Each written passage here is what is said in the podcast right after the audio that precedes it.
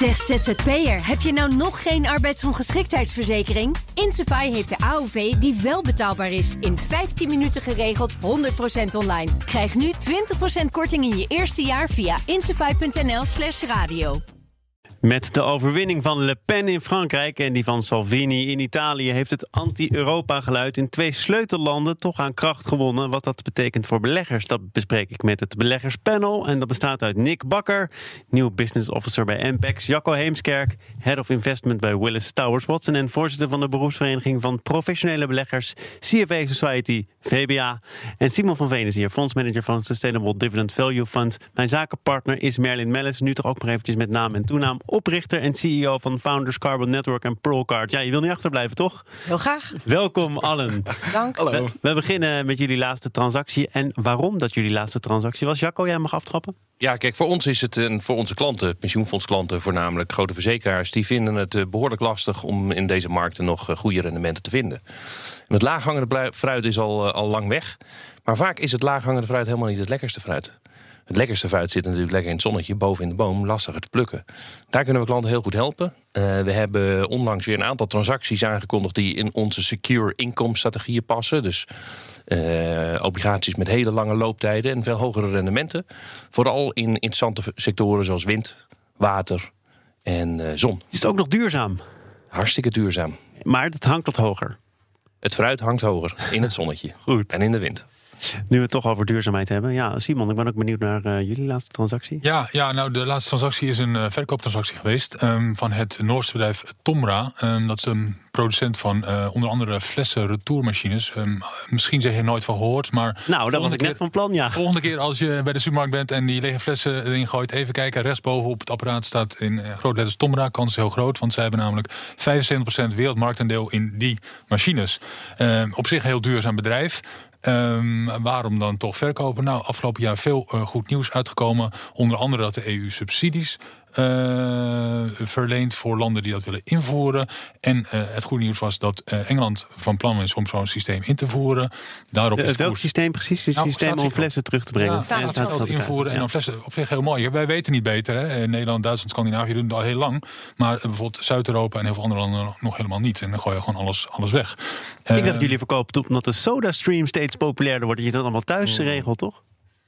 Nee, nee het, het, het, geval wil dat de koers meer dan verdubbeld is. En tegelijkertijd bij de eerste kwartaalcijfers hebben ze bekendgemaakt dat uh, voor het eerst sinds lange tijd de uh, intake van nieuwe orders uh, omlaag is gegaan. Dat is natuurlijk een, niet zo'n mooi signaal. En de tweede, dat Engeland misschien wel door Brexit, uh, het plan om zo'n systeem van statiegeld in te voeren uitgesteld heeft tot op zijn vroegst 2023. Nou, dat is een beetje, een beetje ver weg. Zeker als er gerekend was op 2020.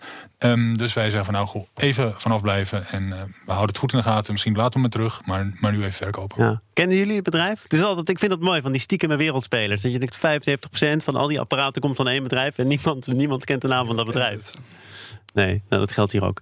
Wat uh, mensen wel kennen is de bitcoin. Ja, Nick, jij mooi, ook, hè? Ja, zeker. Ja, ik, uh, mooi, ben, uh, ik ben de, de dag voordat dat ding 10% in elkaar donderde, ben ik ingestapt. En uiteraard ging die daarna gelukkig weer omhoog. Dus het was alleen de eerste dag even zweten, maar daarna kwam het allemaal weer goed. En ik zal ook even vertellen waarom ik dat gekocht heb. heb. ik geloof dat het 16 mei was, kwam er een bericht uit dat de EU heeft een miljard aan boetes gegeven aan nou, de bekende namen. Ik geloof uh, Citigroup, JP Morgan, uh, Mitsubishi Financial, UBS werd ook nog de genoemd. Grote banken. De grote banken. En ze hadden uh, valuta, ze hadden kartelvorming gepleegd en valuta's gemanipuleerd. En ik ben er gewoon, ja, weet je, dat zijn gewoon criminele organisaties. En hoe kan je daar een tegenstem aan geven? Nou, dat is met Bitcoin. Gewoon. Oh, het ging jou om het statement dat je wilde maken. Ja, het is gewoon het ideologische. Ik vind dat ideologische heel erg mooi. En ik zit er ook al jaren naar te kijken. Maar ik vond het op 1000 een bubbel, op 2000 een bubbel, op 4000 een en bubbel. nu 9000 wordt, denk je daar, ach. Nou ja, goed, het is wel uh, eerst uh, 80% gedaald voordat, uh, voordat die koers weer begon te herstellen. Dus ja, als de 80% daalt, is de bubbel ook wel aardig leeggelopen. Ja, ik, ik ben toch benieuwd. Ik, ik weet niet, wordt het door beleggers ook een beetje serieus genomen? Want dat varieert nogal aan wie het vraagt. Jacco, kijk jij naar de bitcoin? Nee, voor onze institutionele portefeuilles kijken we daar eigenlijk niet naar. Ik zie het wel, hè? Grote institutionele partijen die nu toch ook die bitcoin en de blockchain technologie die erachter ligt steeds meer omarmen. Ongetwijfeld. Eh, wij doen het eh, voorlopig in ieder geval niet. En waarom niet? Ja, er zijn natuurlijk meer currencies, meer valuta's. En die hebben ook niet als actieve posities in de portefeuilles. Je dekt ze eerder af naar euro's dan dat je ze toevoegt.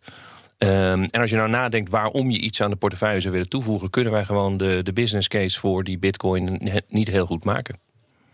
Ja, wij kijken bij de beleggingen naar, naar beleggingen waar je zeg maar, rendement Ehm, van haalt. En waar je niet alleen afhankelijk bent van eventuele koerswinsten. Uh, dus bij aandelen krijg je dividend en bij onroerend goed krijg je uh, huurinkomsten. Maar bij bitcoin, ehm, ja, ja, er is, is, is niet zoveel te verwachten. Dus vandaar dat het eh, niet past in de strategie. Ben ik, ook, ben ik het ook helemaal mee eens. Hè? De, er is helemaal niks wat aan die bitcoin gekoppeld is. Het heeft niets te maken met winstgroei of PE's. Of, er zijn geen ratio's aan te koppelen.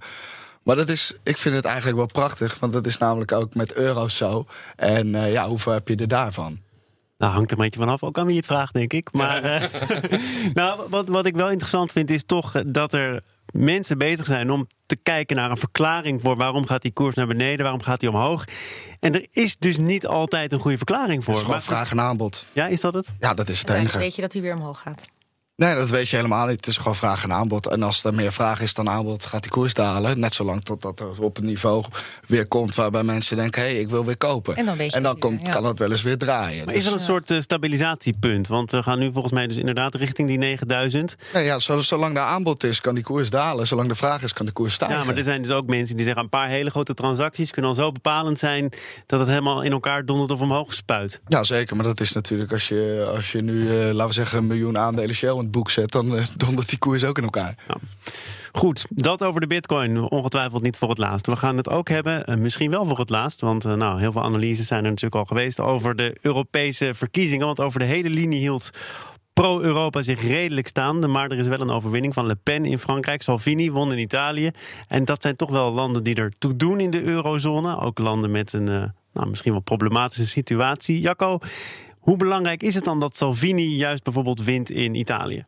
Ja, dat is wel en niet belangrijk om dat maar eens heel flauw te zeggen. Kijk, op de korte termijn. we gaan meteen uh, naar Maarten. Ja, op de korte termijn zal dat best wel wat uh, speculatief gedrag in de markt geven, wat nervositeit. Op langere termijn uh, veel minder. Ik denk dat politici minder invloed hebben op wat er economisch gebeurt dan dat vaak wordt gedacht. Ja, maar ik, ik, denk dan, stel dat de EU wel hem wat meer vrijheid geeft. Wat gaat dat betekenen juist op de lange termijn dan? Ik, bedoel, ik begrijp dat hij het begrotingstekort nu hè, wil aanpakken en uh, minder strenge regels wil, omdat het monetaire stelsel van de ECB daar niet in tegemoet komt. Maar wat gaat dat betekenen voor de EU? Nou ja, kijk, als ze daarin zouden toegeven, dan is het hek wat dat betreft van de dam. Want dan gaan andere landen dat volgen. Dus ik denk dat de, de turbulentie die in de komende maanden zal ontstaan, juist rondom die staatsschuld en rondom dat begrotingstekort zal zijn. Waarbij uh, enerzijds partijen hun poot stijf houden en zeggen we houden ons aan de spelregels. En anderzijds, en dat zie je niet alleen in Europa, maar dat zie je ook in de US met de modern uh, monetary theory. Ja, komen we zo meteen nog op. Exact. We houden dat, mensen vast. Uh, we houden hem vast. dat er toch wordt gedacht aan zijsprongen om mogelijk te maken wat tot nu toe niet mogelijk is. Nee. Ja, maar goed, de, de discussie uh, rond het Italiaanse begrotingstekort hadden we natuurlijk ook um, na, de, na de afgelopen zomer. Uh, die gaat uh, in de herfst weer op dezelfde manier oplaaien. Um, het gaat wel over tiende van procenten. Hè? Dus, dus de discussie ging de vorige keer over of het nou 2% was of 2,4. Uh, terwijl het begrotingstekort in Amerika al jarenlang 4% is. En daar hoor je niemand over. Dus om het even in perspectief te plaatsen. Uh, ja, Salvini zal zijn overwinning aangrijpen om... Uh, om Meer fiscale vrijheid, begreep ik? nou, om, om, om de begroting op te rekken groter dan wat de EU hem zou willen toestaan. Ja. En, en daar krijg je dan uitgebreide discussie over. En dat, dat... Maar als is dat niet bij alle Zuid-Europese landen zo? Dat ja, en... straks weer de situatie Griekenland 2.0. Nou nee, de vraag is volgens mij, is er ingegrepen of niet? Hè? In Spanje bijvoorbeeld zijn er wel hervormingen geweest. Die plukken daar nu de vruchten van. En dus kunnen ook Europeanen zeggen, ja kijk, je zit ook in de situatie waar je in zit omdat je te weinig hebt gedaan. Ja. En het punt wordt gemaakt van hoe groot is het begrotingstekort relatief eh, ten opzichte van uh, Amerika. Nou, als dat 4% is, is dat 4%. Amerikaanse economie groeit natuurlijk wel veel meer dan de Europese. Italië groeit dit jaar met 0,1%. En bij 0,1% groei hoort een veel kleiner tekort, zo niet een overschot. Ja, is die man is Ja, dat ik, een terecht dus punt? ik, ik maak me er ook zorgen over hoor, net zo goed. Dus het is een, het is een De terecht punt. 60-3-regeling, ja, nou ja. Ja, nee, het is, het is een terecht punt. En eh, we gaan er eh, met z'n allen zeker eh, uitgebreid over hebben. En dat zal op sommige momenten ook een reden voor zorg zijn voor de effectenbeurs. En, en dalende aandelenkoers op zulke momenten ik kan je ik niet denk dan zelf, ja, ik bedoel, ik- ik zit niet zo heel diep in deze materie, maar ik denk 28 landen, jongens. Ik bedoel, ieder land heeft eigenlijk zijn eigen strategie zo'n beetje nodig. Ja, dat is ook het hele probleem. Kijk, we hebben het hier over Amerika. Maar Amerika heeft een dollar en één strategie. En Ja. wij zitten dus met hoeveel landen? 17 in een euro. En eh, ja, kijk, dit, dit, het verschil is gewoon te groot. Voor Duitsland hoort de euro-dollar-koers op, hoort op 1,50 of misschien nog wel hoger te staan. Voor Italië moet dat ding op 60 cent of lager We staan. hebben het nu over hele fundamentele kwesties, toch? Nou ja, we dat is gewoon de wisselkoers euro-dollar. En eh, nu zie je dat dus die, die, die, die euro... die is eigenlijk voor Duitsland veel te goedkoop... en voor Italië veel te duur. Ja, maar dat los je dus niet meer op. Nee, ja, eh, dat die euro uit elkaar getrokken moet worden. maar we goed. zien gewoon die zuidelijke landen, die hebben nooit hun begrotingstekort in, eh, in hand kunnen houden. Dus Het is ook, het is ja. ook een mentaliteit. Kijk, in Noord-Europa zijn we van het huishoudboekje op orde houden, sterke munt. En in, in, in Zuid-Europa is er altijd van, oh, oh, te veel schulden, devalueren. Nou ja, dat hou je nooit meer Maar uit die Nick, jij cultuur. zegt nu net, ja, misschien spat die euro wel uit elkaar. Ik had hier ik gisteren economen eh, te gast en die zeiden... als je aan deze uitslag één conclusie kunt verbinden... dan is het wel dat die euro voorlopig wel even st- stevig staat. Dat de kans dat dat uit elkaar spat wat kleiner is geworden. Nou, ik ben benieuwd als we een volgende crisis krijgen... of dat dan nog steeds eh, dat argument heel hard eh Nou, ik, ik denk staan. dat de huidige generatie politici eh, niet de generatie zal zijn die de euro uit elkaar zal laten vallen. Omdat er nog te veel eens. mensen op de achtergrond zijn die betrokken zijn geweest bij het introduceren van de euro. En dat is dan toch heel pijnlijk om het dan ook weer af te moeten breken. Maar als zou we het- zou echt 10, een 20 persoonlijke jaar, kwestie 10, zijn? 20 jaar verder zijn, eh, dan, dan, dan is dat een stuk makkelijker voor de mensen die dan in de macht zijn. Dat ben ik helemaal met En het probleem ja. is inmiddels een stuk groter tegen die tijd. Ja, Dus- nee, maar het zijn ook inderdaad de egootjes van politici die dit, eh, die dit Maar tegenhouden. het is economisch gezien veel beter als die euro er niet meer zou zijn. Want nu wordt het net... eh, Dat- hè, dat- de mensen nou, die maar nog dat bij is- Maastricht waren, die, die houden dat tegen. Dat maar is als een- je er dat is- naar kijkt... Dat is, dat, ja, dat is filosoferen. Is dat zo of niet? En eh, dat is een vraag. En ik heb daar ook niet het antwoord Oh, op. of- Ik heb of je moet- Dat we ons je te duur verkocht hebben, begrijp ik. Maar of het nou eh, op de long term goed is om weer terug te gaan naar individuele valuta, weet ik Dat, dat lijkt ook niet heel logisch. Maar als je het, er een succes van zult maken, zul je andere afspraken moeten maken. Bijvoorbeeld over overdracht tussen landen. Ja, je, moet, je, je moet naar een politieke unie, anders Ja. werkt het niet. We hebben het over Europa gehad. Dan ontkom je er ook niet aan om het te hebben over Mario Draghi. Volgens mij is er vanavond een diner waarin al die topposities door de Europese Raad nog eens eventjes tegen het licht gehouden worden. En wordt gekeken wie hoort nou waar te zitten. Ehm, hoe belangrijk is het wie zometeen Mario Draghi opvolgt? Simon, betekent dat ook echt iets voor het monetaire beleid van de ECB? Ja, absoluut. Ik denk dat Draghi in eh, zijn periode enorm veel invloed heeft gehad op, op, eh, de, de, op het beleid, op de monetaire verruiming met name. Als daar een ehm, Duitser had gezeten, had dat een stuk eh, moeilijker geweest. Eh, nu zit er een Italiaan nog tot november. En de vraag is, wie komt daarna? Maar die Italiaan moet toch ook draagvlak creëren? Die kan toch niet op eigen houtje zeggen... we kiezen nu voor een ruimer monetair beleid? Had, had eh die nu wordt genoemd, hè, de mogelijke Duitse opvolger... echt voor een totaal ander beleid kunnen kiezen? Nou, die had, die had wel degelijk de scherpe randjes ervan af kunnen halen. En eh, het eh, moeilijker gemaakt om eh, monetaire verruiming eh, toe te passen. Dus als dat zometeen inderdaad een Duitser zou worden... of in ieder geval niet iemand uit de Zuid-Europese landen... want de noordelijke landen zeggen... daar heeft nu lang genoeg een Zuid-Europeaan gezeten... dan, Jacco, gaan we dat merken. Eh, Ongetwijfeld zal iedereen daar zijn persoonlijke smaak op eh, geven. Overigens is Draghi niet de enige die verdwijnt. Ik, als je het dan toch over Europa hebt, dan krijgen we een nieuwe voorzitter van de Europese Commissie. Eh, de chief economist van de ECB, eh, Peter Praat, gaat ook weg eh, in de loop van het jaar. Dat is een Dus Belg, meen ik, hè? Eh, ja, nou je weet het beter dan ik. Eh, in ieder geval een hele interessante man die echt wel eh, meedenkt in het beleid en meebepaalt in het beleid van die Europese Centrale Bank. En Constantio is natuurlijk al weg. Die is eh, net ver- een jaartje geleden vertrokken. En dus, eh, Constantio is... eh, dat was de vicevoorzitter eh, van de- van de ECB. Dus de mannen die er zitten en vrouwen die er zitten, en laten we de vrouwen daar niet in vergeten, die bepalen toch uiteindelijk hoe er wordt eh, gehandeld. En dat is zeker spannend als het minder goed gaat in termen, tijden van crisis. En Draghi heeft daar met zijn whatever it takes natuurlijk de markt wel droog gehouden. Over een ruim monetair beleid gesproken. Jij noemde net eventjes een theorie eh, die misschien nog wel wat nadere toelichting verdient, namelijk de Modern Monetary Theory. Ehm, ik zou zeggen, ik heb daar wat over gelezen. Gratis geld voor iedereen? of doe ik het dan veel te kort? Nou, zo voelt dat inderdaad emotioneel ook bij mij eh, aan. Als je die Amerikaanse politici eh, hoort, dan eh, eh, lijkt het te mooi om waar te zijn. Ja, er is een Amerikaanse econoom, Stephanie Kelton, Kelton, en die is daar redelijk populair mee. Of althans, mensen schieten daarop af, want die vinden het allemaal interessant. Wat stelt zij voor? Nou ja, zij, zij, zij stelt een mak- makkelijke weg eh, eh, naar buiten voor. En dat voelt natuurlijk voor heel veel mensen heel goed. Wat, wat, wat zegt ze feitelijk? Ze zegt uh, de overheid die kan uh, gewoon schulden aangaan zolang zij een eigen currency heeft. Dat is allemaal niet zo'n probleem. Uh, dan gaan mensen uh, uh, angstig zijn, want die zeggen: maar dan krijg je inflatie. en daarvan is haar antwoord: ja, maar dat kunnen wij regelen met belastingtarieven. En met onze eigen begrotingsoverschot. en dan is de vraag: kan dat inderdaad? Kun je inflatie beteugelen als je dit zou doen? Nou, daar zit hem wel de crux in, denk ik. Ja, en ik, ik zou zelf zeggen, maar dan ben ik misschien toch ook wat te liberaal daarvoor. Dat als ik nadenk over hoe de wereld zou moeten werken, dat ik denk dat het tamelijk complex geheel is. En dat ik denk dat het uh, sociale coördinatiemechanisme... wat we de afgelopen honderd jaar misschien gehad hebben met kapitalisme... dat je dat hiermee overboord zet. Dat is een vrij linkse gedachte. Dat is een hele linkse gedachte. Dat is ook adviseur je... van Bernie Sanders. Uh -huh. ah, je geeft de overheid eigenlijk... Je geeft de overheid controle over het huishoudboekje... en die moet dan ook... Uh, het, de, uh, de meester zijn over zichzelf. En wie heeft en er nu dan die... de controle over het huishoudboekje? Nou, nu heb je natuurlijk toch wel wat countervailing powers. Want je hebt centrale banken die, uh, die beleid voor een deel bepalen. En de kapitaalmarkten die in de allocatie een rol spelen. En hier zegt de overheid: wij pakken de rol van en de centrale bank. En voor een deel ook van kapitaalmarkten. Want we gaan direct geld investeren en direct zorgen dat het bij de consument komt. Uiteindelijk lijkt het mij heel moeilijk om uh, en de geldpers aan te zetten en te zorgen dat je de inflatie binnen de perken houdt. Kan een tijdje goed gaan, maar op een gegeven moment, op de een of andere manier, zal die inflatie zich toch manifesteren. En, en eigenlijk zie je dat in Europa ook al. Aan de ene kant heb je de ECB die zegt: Goh, in Europa is de inflatie nog steeds onder de 2%. Dus we moeten blijven stimuleren. 2% is wat de ECB zelf als dat norm de, heeft Dus gesteld, zelf opgelegde norm, uh, wat, wat in principe uh, ook heel redelijk klinkt. Uh, maar in de praktijk zie je dat allerlei, allerlei goederen of diensten die niet in het mandje van de ECB zitten, hard in prijs stijgen. En het duidelijkste voorbeeld in Nederland is de kosten van wonen.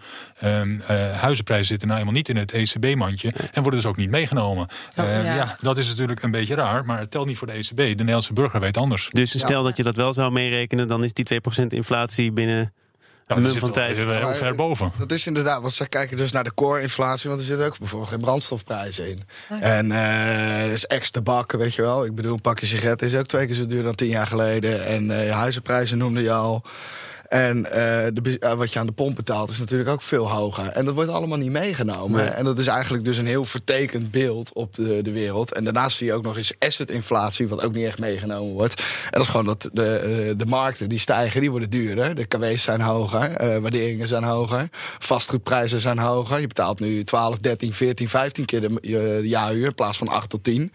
Ja, dat, dat is Toch is gewoon het hem wel eens gevraagd. Hè? Tenminste, dat las ik in een interview in de Volkskrant over de positie van de ECB en van Draghi. En Draghi kreeg toen de vraag eh, van eh, zou de ECB in geldnood kunnen komen? En dan eh, antwoordt deze economie, eh, econoom, hij wacht even, denkt na, begint dan te lachen en geeft uiteindelijk toe de ECB beschikt over onbeperkte middelen, kan gewoon telkens opnieuw een cheque uitschrijven. Niet één keer, maar voortdurend. Ja, maar dat heeft alles te maken met vertrouwen. hè. En als de ECB dat gaat doen, dan gaat het vertrouwen in de ECB Nou, dalen. ze zijn toch al behoorlijk op niet? En het, wer- het werkt ook niet meer. Hè? Dus we hebben eh, aanvankelijk hebben we eh, in de eh, fiscale en monetaire instrumenten die we ter beschikking hebben, hebben gebruik gemaakt van renteverlagingen. Dat, dat werkte maar tot op zekere hoogte. Vervolgens zijn we na de crisis gebruik gaan maken van kwantitatieve verruiming, QE. Dus massale opkoopprogramma's. Dat werkt eigenlijk ook niet goed genoeg. Dus het ligt helemaal niet voor de hand, vind ik, dat de ECB nog meer van hetzelfde recept zou gaan doen. Laten we kijken naar een eh, nieuw recept met nieuwe bestandsdelen in ieder geval. Want Fiat en Renault kregen gisteren de handen van beleggers op elkaar. Toen uitlekte dat die autobouwers eh, op weg zijn eh, om te fuseren. Moeten we Chrysler ook even bij noemen, hè, want het is Fiat, Chrysler en Renault. Er is dus enthousiasme. Eh, Nick, begrijp jij dat? Ja, zeker. Want zij kunnen nu de derde autofabrikant van de wereld worden na De tweede Volkswagen. zelfs.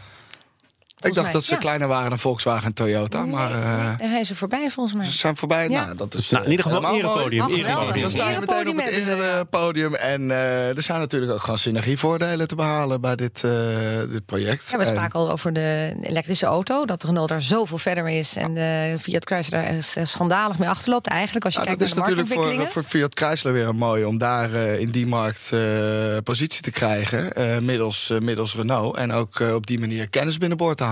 Dus. En zij hebben weer toegang tot Azië. Dat zei Thomas al eh, eerder. En, Ja, via en, Nissan en eh, Ja. hun gezamenlijke topman En ik zie Carlos echt Ghosn. heel Ja, weinig wat- wat nulletjes Nissan- rijden door New York. Dus eh, Eh, dat kan Nissan ook geen is, kwaad. eh, is ook natuurlijk heel erg eh, ingezet op eh, elektrisch. Nou, dan is het eigenlijk Nissan Renault. En dan heb je Fiat Chrysler, wat nog niet daarin meegaat. Nou, dat is natuurlijk een mooie aanvulling. Het is sustainable vooral- note. Het is vooral eh, besparen op zeg maar, toekomstige ontwikkelingskosten van eh, het ontwikkelen van nou ja, elektrische auto's, maar ook de volgende stap zelfrijdende auto's en al dat soort dingen. Dus die autofabrikanten staan allemaal voor enorme eh, kosten de komende nou, zeg maar decennia.